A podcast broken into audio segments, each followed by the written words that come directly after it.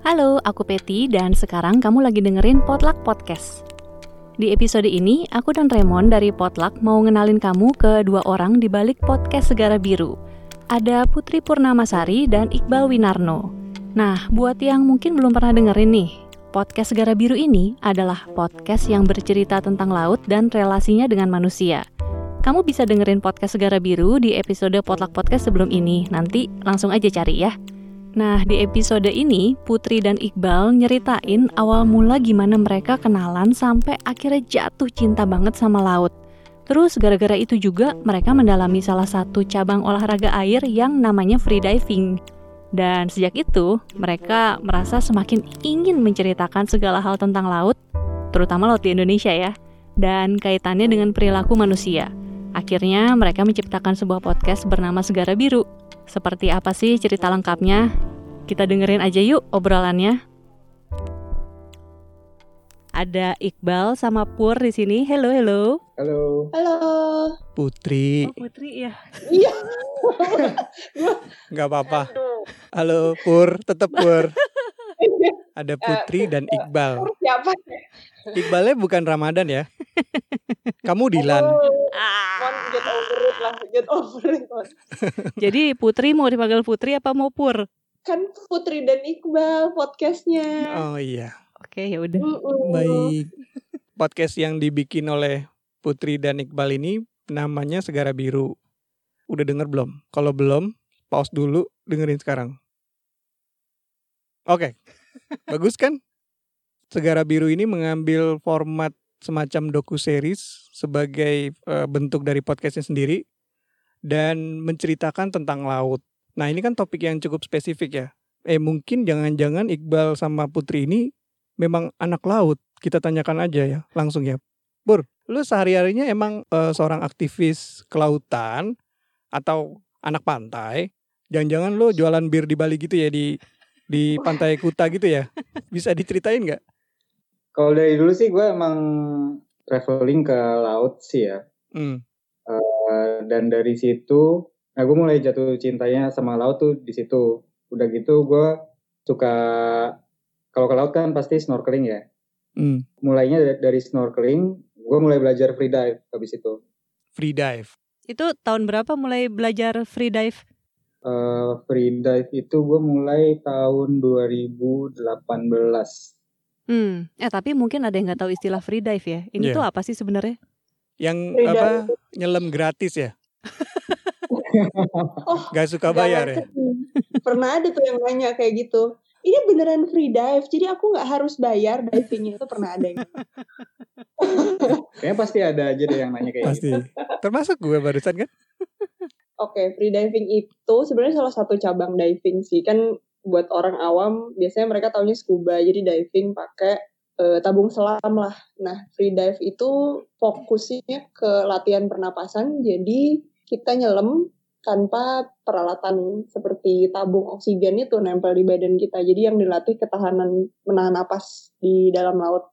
Kalaupun pakai alat juga alatnya cuma snorkel, goggle sama fin doang. Iya, Berarti apakah ini menjadikan kalian saat ini atlet free dive atau apa? kan kalau tadi Iqbal eh, cerita dia suka traveling kan pergi ke laut.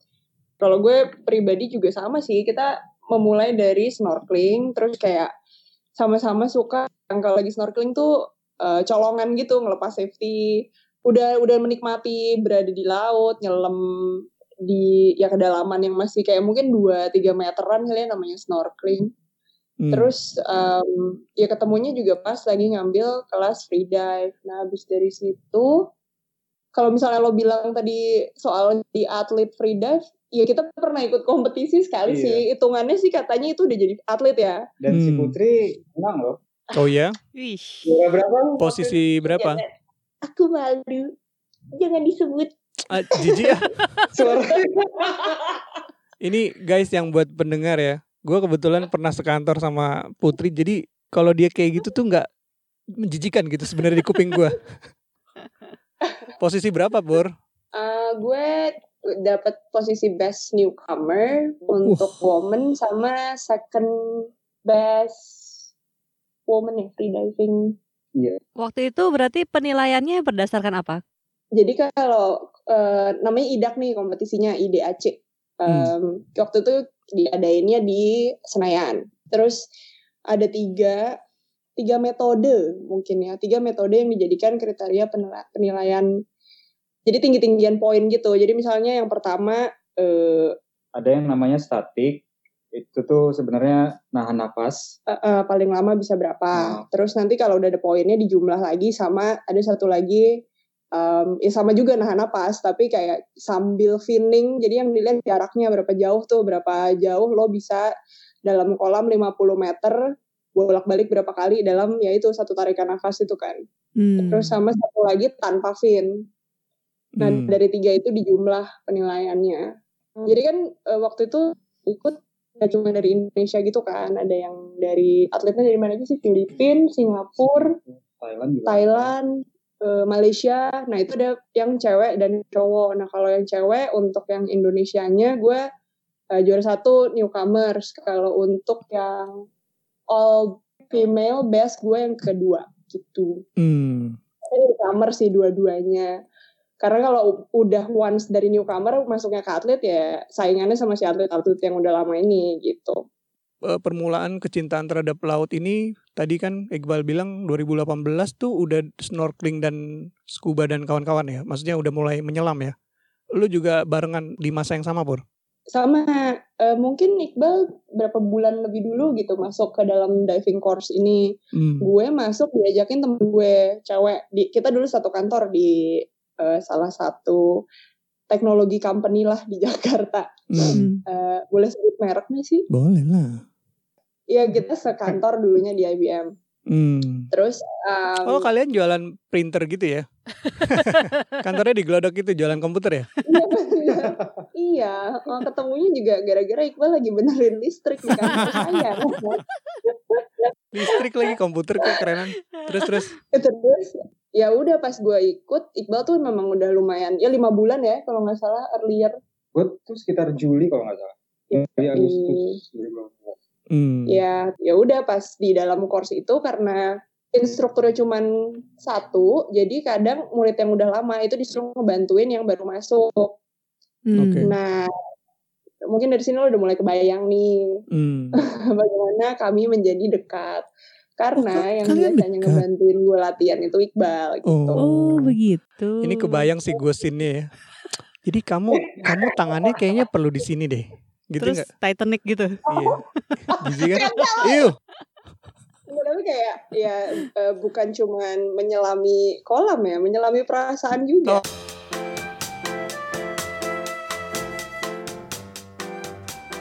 Eh by the way ya, kalau misalnya urusan tahan nafas kan ya, kan bisa nggak di laut, bisa di nggak di air gitu ya. Misalnya lo di lift ada yang kentut, lo tahan nafas lama-lamaan. Kan sebenarnya bisa ada yang lebih aman ataupun nggak repot ya. Karena kan laut tuh sulit ya. Nah, kemudian apa sih yang membuat kalian tertarik mendalami ini dan apa enaknya gitu tahan nafas karena sekarang kan kalau misalnya mau diarahin ke urusan corona ketika wah nafas kita mulai diganggu kebebasannya dengan pakai masker lu malah pengen tahan nafas gitu Kalau soal nahan nafasnya, gue juga sebenarnya nggak nggak suka sama nahan nafasnya. Nah, jadi di freedive itu ada latihan yang khusus nahan nafas namanya statik. Eh, jadi lu cuma diem kepala lu lu ceburin ke air, ke dalam air, terus lu diem di pinggir kolam. Nah itu lama-lamaan sampai berapa lama lu bisa eh, tahan nafas. Itu juga gue nggak suka banget. Hmm. Yang bikin gue suka sama freedive itu sebenarnya keadaan di bawah laut sih. Jadi gue ngerasa bahasa Indonesia apa ya? Serenity. oh Ya, Damai. serenity. damai kedamaian. ada kedamaian Gue ngerasa tenang banget sih kalau eh, ada di dalam laut. Apalagi kalau yang airnya jernih dan Oh, banyak koral-koralnya Hmm. gitu. Itu tuh kayak eh gue berasa yang nggak berasa jadi nggak berasa aja gue nahan nafas kalau lagi Hmm, di tempat setuju. kayak gitu. setuju Hmm. gue. Sebenarnya kalau latihan di kolamnya juga gue nggak senang-senang banget. Iya, soalnya itu prosesnya ya untuk memastikan ketika lo di di situasi sesungguhnya lu mengikuti protokol yang benar supaya ini kan berbahaya ya. Kemarin nontonin di YouTube aja bahkan banyak yang meninggal juga atletnya ketika lagi turun ya. Iya. Free dive itu salah satu sport yang berbahaya ya. Berapa persen kematiannya? Lupa ada persentase kematiannya gitu kalau dilihat dari atletnya. Tapi sebenarnya lebih banyak yang meninggal ketika lagi uh, fun dive. Fun dive tuh berarti yang ada rekor lah yang dikejar gitu. Memang bukan dalam satu kompetisi daripada atletnya. Karena dalam setiap kompetisi satu atlet itu bisa dijagain oleh uh, empat sampai ya, empat ya empat safety divers. Jadi mereka akan mendampingi si atlet ini ketika masuk ke kedalaman dan sampai naik ke atas gitu.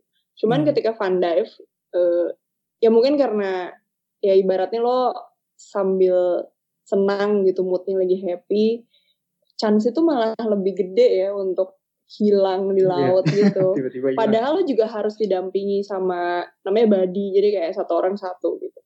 Sebenarnya berarti kan sulit ya untuk masyarakat kota itu ke laut itu sesuatu yang sifatnya mungkin agak-agak mahal lah ya.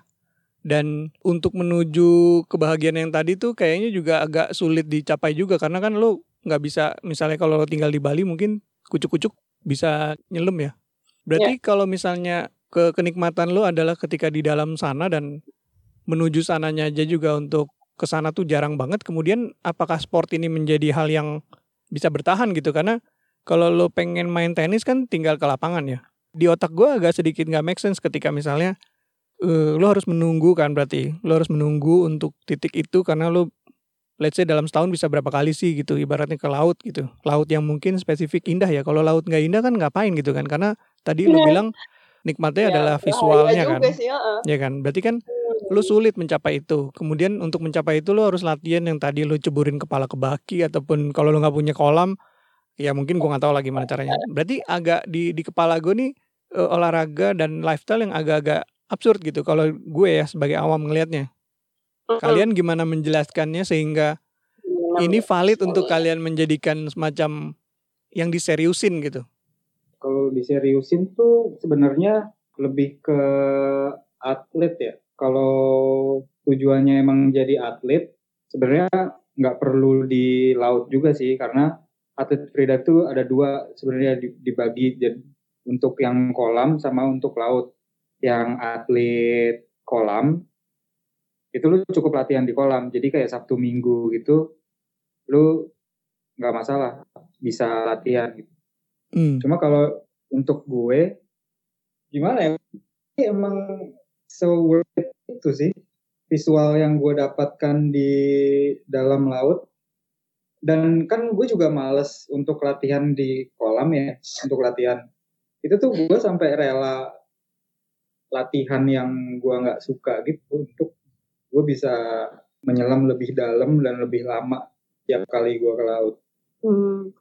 Kalau kalau dari ya kalau dari pertanyaan Raymond sebenarnya memang salah juga kalau lo misalnya bilang ini olahraga hal gitu karena emang sejauh ini dari yang kita temuin minimal orang-orang yang ikut tuh punya dana yang cukup untuk uh, membeli fin sama snorkel.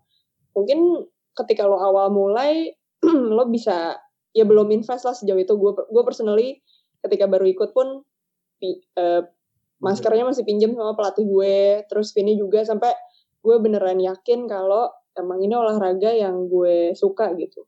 Kalau ngelihat di luar lautnya sendiri gitu misalnya kayak kesenangan apa sih yang gue dapat ketika gue latihan mungkin in a way ya olahraga itu kan ngedorong lo untuk melampaui batas yang lo pikir lo punya gitu jadi kayak sebelum free dive gue sama sekali nggak tahu kalau manusia bisa tahan nafas selama itu dan itu bisa dilatih gitu. Jadi excitement ketika nemuin kalau eh gila gue tuh jadi lebih tahu ya soal badan gue sendiri gitu. Terus melampaui diri lo yang sebelumnya tuh buat gue juga satu hal yang yang buat gue pribadi sih patut diperjuangkan ya. Hmm. Kalau soal dana sendiri sih ya gimana ya kak itu just like any other hobbies gitu loh ya mungkin hobi memang pada akhirnya belongs to privilege ya. eh ya any kind of hobby lah itu kan berarti kan lo udah nggak mikirin tempat tinggal, lo udah nggak mikirin makan, maksudnya kayak hal-hal basic lo sudah terpenuhi gitu, sandang pangan, papan, smartphone, ya kan. Jadi um, ya gue ngerasa ada dana yang akhirnya bisa gue pakai buat ke arah situ gitu. Tapi ya selain tadi yang dibilang soal visual, ada sisi dari self improvement dan self understanding yang hmm. gue ternyata bisa dapatkan juga nih dari free dive ini yang sebelumnya gue nggak tahu ada gitu. Yeah. Mungkin kalau misalnya di yoga kayak oh lo tadinya nggak bisa nyentuh ujung kaki lo sendiri gitu. Terus habis lo latihan lima bulan bisa gitu yang kayak gitu-gitu Simon itu hmm. menurut gue sama adiktifnya gitu loh. Iya. Yeah. Ini mungkin uh. kayak uh, mostly seluruh kegiatan olahraga yang sifatnya individu ya untuk menantang yeah, diri. Iya, yeah, iya, betul Cuma, betul hmm. uh, maraton hmm. wall climbing ya gue rasa itu sih ada ada high-nya tuh yang yang cuman orang yang ngelakuin itu yang tahu excitementnya gitu tapi kan perjumpaan lo itu tetap aja soal laut ya uh, lo ketemu ini gara-gara laut sendiri bukan karena sportnya berarti keindahan laut sendiri yang membuat kalian lebih ingin mendalami salah satu cabang sportnya kemudian salah satu filosofi yang tersembunyi di balik olahraga ini sendiri Berarti yeah. kan iya. kata kuncinya di sini laut ya. Perjumpaan yeah, kalian yeah. dengan laut. Dan mungkin itu juga mm. yang menjadi alasan Putri dan Iqbal menciptakan podcast Gara Biru yang secara sederhana bisa dibilang ini adalah podcast tentang laut, budaya, dan hubungannya dengan manusia. Yes. Nah, kita coba dengerin yeah. dulu ya cuplikannya podcast Gara Biru episode pertama. Nusantara tidak pernah terlalu jauh dari bencana alam. Badan Sains Amerika Serikat National Oceanic Atmospheric Administration atau NOAA mencatat ada 246 kejadian tsunami sejak tahun 416 hingga 2018 di Indonesia. Dan di tahun 416, Laut Jawa menjadi tempat pertama yang dikunjungi oleh sang gelombang raksasa. Berikutnya antara tahun 1608 sampai 1690 terjadi 13 kali tsunami tahun 1674 di sekitar Laut Banda, gelombang setinggi 100 meter menghantam dan menewaskan hingga 2000 orang. Bali, tahun 1815, 1200 orang meninggal. Tahun 1883, erupsi Gunung Krakatau membunuh 30.000 orang dengan ketinggian gelombang sampai 41 meter. Dan akhirnya, tahun 1930, erupsi kedua Gunung Krakatau, tsunami tertinggi yang pernah terjadi di Indonesia. Data dari NOAA mencatat gelombang setinggi 500 meter. Sebagai gambaran, gelombang tsunami di Aceh hanya setinggi 50 meter. Korban jiwa tidak tercatat. Itu tadi cuplikan dari episode pertama podcast Segara Biru. Nah, podcast ini kan ngomongin tentang laut dan tadi di episode pertama Putri sama Iqbal ngawalin itu dengan pembahasan tentang Nyi Roro Kidul, Ratu Pantai Selatan. Tapi sebelum kita ke situ, sebelumnya gue pengen tanya dulu sih, kenapa sih kalian berdua akhirnya bikin podcast tentang laut ini? Mungkin gue cerita dari pengalaman gue dulu kali ya. Hmm. Jadi waktu semakin sering pergi ke laut lah, semakin sering free dive, sempat ada satu momen di mana Uh, kita tuh lagi di Ternate, terus kita lagi sama anak-anak freedive Ternate juga yang bantu nunjukin spot-spot bagus di Ternate di mana. Terus ada satu spot yang gue inget banget, uh, di mana harusnya kita tuh mengunjungi kapal kapal karam ya, salah satu fish fish apartment, fish cooling. Yeah. Ya gue sama anak-anak tuh beneran kayak sebelum masuk ke dalam berada di antara sampah-sampah yang mengapung. Bahkan ada satu temen kita yang sempet ditemplokin popok gitu buat oh dia itu sangat aduh mengerikan banget sih. Dan popok bekas pakai ya. Bukan popok. Sekedar popok. Untuk kita tanya memang sehari sebelumnya itu hujan jadi semua sampah yang dari sungai yang dari sungai itu ke laut. Which is ya ternyata benar ternyata memang sebagian besar sampah yang ada di laut saat ini tuh berasal dari sungai-sungai yang ada di Asia ternyata. Hmm. hmm. dan di, di titik itu tuh ya mungkin dari situ kali ya itu tertanam di alam bawah sadar gue terus gue ngerasa kayak kita tuh tinggal di tempat yang eh, uh, 75 persennya tuh laut ya. Cuman ya sejauh ini kayaknya orang-orang yang peduli sama laut dan ya di Indonesia sendiri deh mungkin oke okay, let's not talk about the world tapi di Indonesia sendiri yang jelas-jelas uh, negara kelautan ini. Ya negara maritim. Maritim. Iya kok nggak kedengeran gitu ya. Paling dijadikan sebagai tempat wisata gitu. Orang-orang datang berkunjung. Cuman ya udah sebahas itu aja gitu terus tiba-tiba gue jadi penasaran ini harusnya kita dan posisi geografis kita itu ngebentuk ya gimana akhirnya budaya dan keseharian terus um, cerita-cerita juga mitos legenda yang ada di Indonesia gitu. Ya salah satunya kayak yang kita bahas di podcast soal Nyiroro Kidul itu gimana sih awal mulanya gitu.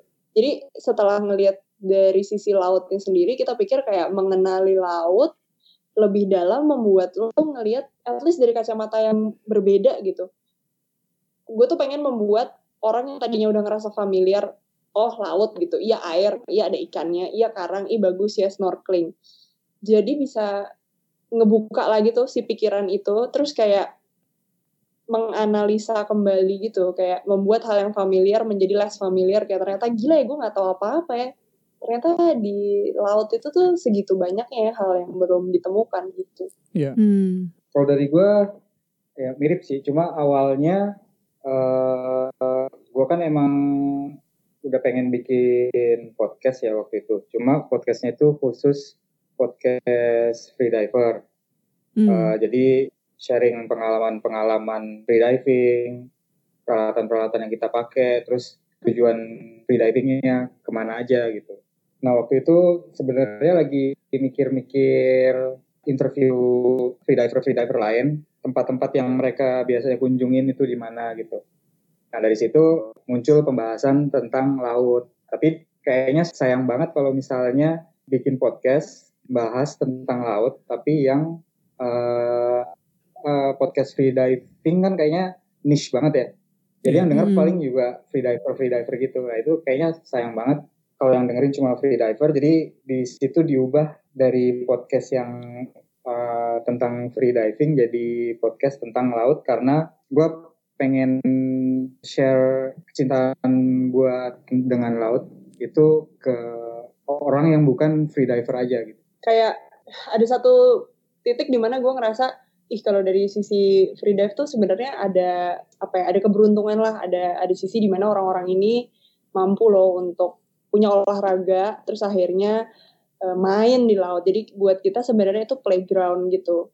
Tapi kan buat orang-orang lain kayak nelayan mungkin eh, Iya. itu tuh hajat hidupnya Betul. dia gitu. Atau kayak eh, suku-suku yang emang tinggal di laut gitu. Itu tuh tuh sebenarnya rumah mereka belum lagi makhluk-makhluk di dalamnya gitu. Jadi kayak kita sendiri tuh jadi semakin banyak tahu dan semakin banyak nyari tahu tuh jadi ngelihat kayak wah arogan banget sih kalau diceritain dari satu sudut pandang aja gitu kenapa nggak diceritain dari berbagai perspektif ini biar mungkin yang denger juga sadar kalau apa yang kita lakukan sekecil apa pun itu terhubung gitu ke berbagai aspek gitu kayak laba-laba cuma nggak kelihatan aja Hmm. Oke. Nah, kemudian medium podcast sendiri gitu. Memang sih pastinya karena podcast kebetulan beberapa tahun terakhir lagi lumayan marak ya. Cuman medium podcast sendiri yang akhirnya kalian putuskan untuk menjadi sarana menceritakan kecintaan kalian terhadap laut dan budayanya sendiri itu kenapa ya? kan tiap medium ada limitasinya ya maksudnya kayak kalau ngelihat manusia karakternya sebagai makhluk visual gitu mungkin sebenarnya informasi semacam ini lebih mudah ditangkap melalui visual sementara untuk podcast di luar maraknya itu sendiri gue sebenarnya merasa kalau indera pendengar kita itu tuh nggak sebanyak itu dieksplorasi ya misalnya pengalaman sehari-hari gitu gue lagi sebelum berangkat ke kantor kan gue sering commute kan jadi gue naik MRT terus akhirnya naik Gojek Nah, biasanya gue pasti dengerin musik atau podcast dan dengan gue dengerin musik yang tepat, itu tuh mood gue tuh berubah gitu seketika. Kayak misalnya momen gue nyebrang jalan gitu dengan lagu yang tepat, gue ngerasa jadi kayak lebih keren gitu. Nah, sebenarnya gue ngerasa ada kelebihan dari sisi podcast ini untuk bisa dinikmati ketika lo tuh sedang melakukan tugas yang nggak perlu berpikir keras gitu ya. Mungkin Uh, buat sebagian orang ya sama kayak dengerin musik gitu. Cuman kadang karena podcast ini mengandung informasi-informasi yang rada perlu diproses, lebih enak didengerin ketika lo tuh udah biasa ngerjain kerjaannya misalnya kayak motong wortel gitu sambil Iya. masak Hmm. atau yang paling paling relate sih menurut gue sambil commuting gitu. Jadi in a sense apa ya lo tuh bisa mendapatkan informasi baru dari distance lo pergi dari rumah lo sampai ke kantor lo tanpa ke distract sama visual misalnya. Itu salah satu yang gue rasa patut dieksplor gitu sih dari sisi podcast gitu. Belum lagi ada faktor di mana ketika lo dipicu dengan musik yang tepat itu tuh membangun sense lo yang lain gitu. Imajinasi lo tuh ikut berkembang. Sementara kalau visual tuh dari awal lo tuh udah dikasih tahu apa yang harus lo bayangin. Misalnya kayak in a way kayak lo baca buku gitu lah. Eh, Iya. kalau lo baca buku lo didikitnya kan eh, a tall man with the brown hair misalnya gitu. Nah podcast tuh juga gitu. Ketika lo disebutin sama kalimatnya pikiran lo tuh mulai melayang jadi kayak sebenarnya apa yang terjadi di kepala lo tuh bisa jadi lebih seru gitu dibanding kalau lo misalnya ngelihat satu video Iya. gitu sih Iya. kalau gue Hmm. Bung Iqbal gimana Bung Iqbal? awalnya sebenarnya pengen juga sih ada visualnya eh kayak animasi gitu cuma kan ya tergantung skill juga kan ya terus itu gue juga kerja gitu Heeh. kayaknya susah banget untuk bikin apa semi dokumenter gitu terus ada animasinya gitu realistis sih sebenarnya. Ya bisa bisa juga eh, kita ngobrol terus di videoin aja gitu. Itu juga bisa sih sebenarnya. Tapi gue nggak ngerasa muka kita menjual Iya. sih ya. Jangan bawa-bawa Iqbal dong lo kita. Jujur jawaban kamu jujur banget. Tuh ya. honest review ya udah. Ini kan gak usah.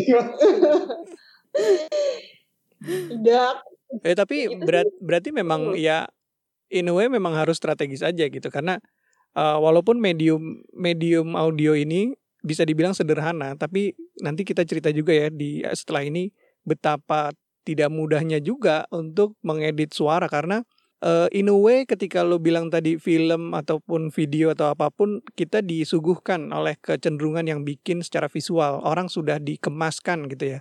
Ketika di audio toh kayak misalnya buku yang kemudian menggambarkan itu kayak gimana kita sendiri gitu theater of mind kita yang bikin itu. Dan karena kekuatan kita hanya suara justru malah lebih sulit. Dan nanti mungkin uh, Putri sama Iqbal juga ceritain proses khususnya di editing sama mixing ya ketika bahkan take vokal ya untuk narasi itu juga akan ternyata menantang juga. Tapi itu nanti setelah ini. Nah podcast ini sendiri kan eh, bagi gue pribadi kenapa pas pertama kali denger podcast ini mau dibuat menarik banget karena eh, sifatnya kayak dokumenter. Karena gue pribadi suka banget nonton eh, film dokumenter kan. Hmm, hmm. kenapa memilih format ini dan apa referensinya? Karena lu pasti udah sering terlebih dahulu pasti lu udah terekspos juga ya ke konten yang sifatnya eh, doku series gini ya. Oke, kalau gue sebenarnya mungkin balik ke first impression gue sama podcast ya. Jadi yang pertama banget gue dengerin itu judulnya serial. Jadi yang ngebawain ada Oh, iya. satu perempuan jurnalis ini. Dia ngasih 10 episode di season 1, durasi satu jam tentang Adnan Syed gitu. Jadi em, dia dituduh membunuh pacarnya lah. Terus si eh, jurnalis ini eh, menginvestigasi ulang. Jadi dari podcastnya dia, dia menceritakan tuh dari awal gimana dia nelfon Adnannya, dia cerita gimana dia menginterview keluarganya, dan dia trace back ulang semua bukti-bukti yang akhirnya menjebloskan Adnan gitu. Dan tiap episode tuh gue dibikin penasaran gitu, apakah sebenarnya Adnan tuh bersalah nggak sih ngebunuh pacarnya gitu. Dan ya ever since gue ngerasa kayak gila ya ini tuh bukan bukan radio gitu. Maksudnya ternyata medium suara bisa punya kekuatan sebesar ini gitu. Gue bahkan nggak tahu siapa nih yang bawain gue nggak kenal nih Adnan siapa nih pria mana gitu. Gue nggak kenal juga siapa yang dibunuh pacarnya. Tapi gue jadi peduli gitu sama orang-orang yang ada di dalamnya ini gitu. Dan gue dibuka lah ibaratnya kayak sama eh, potensi penyampaian informasi kali ya paling gampang gitu. Bagaimana satu informasi yang berat bisa jadi enak didengar lo tahan tuh dengerin nggak kayak dengerin guru sejarah lo ngomong misalnya. Hmm. Uh, dengan diiringi oleh ambience dan suara dan atmosfer yang tepat gitu. Jadi misalnya kayak ya ketika gue bilang kayak gue mendengar ada suara orang melangkah di, di belakang gue dan tahu-tahu di dalam suara itu ada tek tek tek gitu. Itu juga udah bikin kepala gue kayak wah imajinasi gue kayak ah suaranya kayak gimana orangnya kayak gimana kayak gitu jadi engage-nya beda sih ya sama visual ya tapi as powerful gitu Hmm. Iya. Jadi kayak dibikin ngebayangin sendiri gitu ya. Iya iya iya iya. Itu menurut gue masih salah satu hal yang dimiliki buku juga sih. Apa namanya active thinking ya kan kalau nonton katanya lo passive thinking. Iya. Nah ini kan podcast tuh seperti menjembatani itu lah. Selain serial, apalagi yang lo sering dengerin sehingga lo punya gambaran ketika narasi yang lo mau sampaikan, nih kayaknya memang harus dengan uh, format seperti ini. Hmm. Radio Lab ya. Iya Radio Lab. Kamu dengerin episode yang mana? Yang ini yang dinosaurus. Iya Radio Lab yang episode tentang eh, kepunahan dinosaurus gitu. Jadi gue waktu itu baru dengerin lah satu episode ini, terus ya gue promosi ke Iqbal karena menurut gue itu bagus banget. Nah di situ juga ya kita he- heavy ke bawah ini sih ya eh, cara penyampaiannya Radio Lab. Iya iya iya. Jadi Jadi kita juga make mencoba untuk memasukkan background music, ambience, ya kayak gitu. Radio Lab sama eh, satu lagi Invisibilia. Tapi kalau gue bisa ngerekomendasiin orang buat dengerin satu podcast yang ngebahas luas banget sih pembahasannya, tapi in general tentang science dan knowledge. Mungkin kedengarannya berat gitu ya, cuman em, kalau episode yang tadi gue bilang soal kepunahan dinosaurus kan selama ini ya peneliti tanya lah sebenarnya mereka gimana sihnya teorinya ada meteor, ada teori em, apa sih kelaparan kena musim dingin lama sampai akhirnya mati gitu. Nah itu Hmm. tuh mereka ngebahas kalau ternyata tidak seperti itu. Gitu. Cuman eh, episode ini sebagus itu. Jadi kalau lo bisa nyari di YouTube, mereka bikin live. Jadi, Hmm. gue nggak pernah nyangka bagaimana ini bukan tat ya. Jadi Iya. kayak gue ngelihat mereka tuh konser karena musiknya live. Jadi mereka tuh menganggap serius eh, dua hal menurut gue si musik yang mengiringi penyampaian mereka sama ya tema penyampaiannya sendiri. Iya. Gue ngeliatnya kayak orang-orang yang terlibat memang memang seniman gitu, memang orang-orang yang musicians terus scientist kayak ini mungkin sesuatu yang jarang ditemukan kali ya di Indonesia. Ya correct me if I'm wrong. Iya. Tapi itu tuh dua hal yang biasa sangat jauh gitu antara riset, penelitian, math, Iya. otak otak kiri dan satu lagi otak kanan. Tapi Radio Lab tuh menggabungkan dua itu secara seamlessly gitu. Jadi ada apresiasi ke situnya juga sih. Iya. Kalau buat gue kayak, wah ini gila banget nih, ini gila banget gitu. Hmm. Akhirnya narasi ini dimanifestasikan menjadi sebuah siaran podcast melewati beberapa proses penyederhanaan ataupun pemadatan ya dari yang tadinya snorkeling, lihat laut, traveling, free dive. Free dive menjadi permasalahan masyarakat sekitar di mana yang lo bilang tadi laut itu adalah livelihood dari dari masyarakat tersebut yang memang kehidup di sana. Kemudian ketika semua ini hal besar lo kompres lagi jadi kecil, kemudian hal yang ketika lo sederhanakan kan kembali membesar lagi. Eh, bagaimana strategi kalian juga ya? Maksudnya ngomongin hal yang laut tuh luas. Gimana lo ngomong ini mulai dari mana gitu? Gue sejujurnya agak menggunakan metode yang biasa gue pergunakan ketika gue kerja sih. Jadi eh, di kantor gue, gue dibekali dengan tools untuk melakukan riset. Em, sebagai desainer, ada satu cara di mana kita eh, biasanya kan kita interview orang nih untuk tahu bagaimana ya produk kita ini bisa improve hidup mereka gitu atau ada ide seperti apa ya untuk membuat produk yang lebih baik gitu. Uh, nah dari situ sebenarnya gue coba aplikasiin. Jadi gue tahu ini tuh satu topik yang sangat besar sekali. Belum lagi in general ketika gue bilang ke kalian pun iya gue pengen ngebahas nih hubungannya laut apa ya sama kehidupan di sekitarnya gitu. Bagaimana it affects uh, the surroundings gitu Nah akhirnya gue bikin aja mind maps. Jadi itu in a way membantu gue untuk memetakan kita mau ngebawanya tuh ke arah mana gitu. Terus ya udah gitu kita let's say tempel dulu nih satu tema laut gitu. Terus kita mulai cari-cari dulu topik apa ya. Yang pertama juga simple gitu kok berangkatnya karena kita nggak tahu apa yang kita nggak tahu kan. Jadi gue kita waktu itu mulai nyari eh, permasalahan laut gitu ya basic banget deh kayak Oh, iya. overfishing, terus uh, uh, coral bleach terus kayak apalagi Kayak kita pengen apa pengen bahas makhluk-makhluk laut aja. Iya eh, Banyak deh pokoknya. banyak banget yang udah dilempar-lempar. Nah itu semua tuh di ditaruh dulu tuh di dalam satu digital board. Uh, kita intinya ngumpulin data dulu lah, belum diolah sama sekali gitu. Nah dari data-data yang kita udah lihat ini, um, kita ngerasa kayak, eh mungkin kacamatanya ini ya yang bisa kita ganti-ganti gitu. Terus gue ngerasa kayak ngeliat lebih dekat dan lebih enak dibawanya gitu. Nah dari situlah muncul kalau apalagi sih yang berhubungan dengan laut dan mitos kalau bukan eh, ibunda ratu Nyi Roro Kidul gitu. Iya. Awalnya kayak lempar ide dulu, oh ini dari segi budaya menarik ya, walaupun banyak gitu dari segi budaya kalau mau dilihat. Cuman eh, dari namanya sendiri kita sendiri udah ngerasa kayak, oh this could be fun gitu, tanpa ada ekspektasi apa pun. Ya udah, eh, oke, at least kita udah nentuin satu satu tema gitu. Terus kita nyari lagi kan data di sekitar Nyi Roro Kidul ini sendiri. Itu juga luas banget kan. Jadi kayak dari semua data yang udah kita olah, kita gali keyword apa aja, terus kita ngeliat patternnya apa, simpelnya gitu.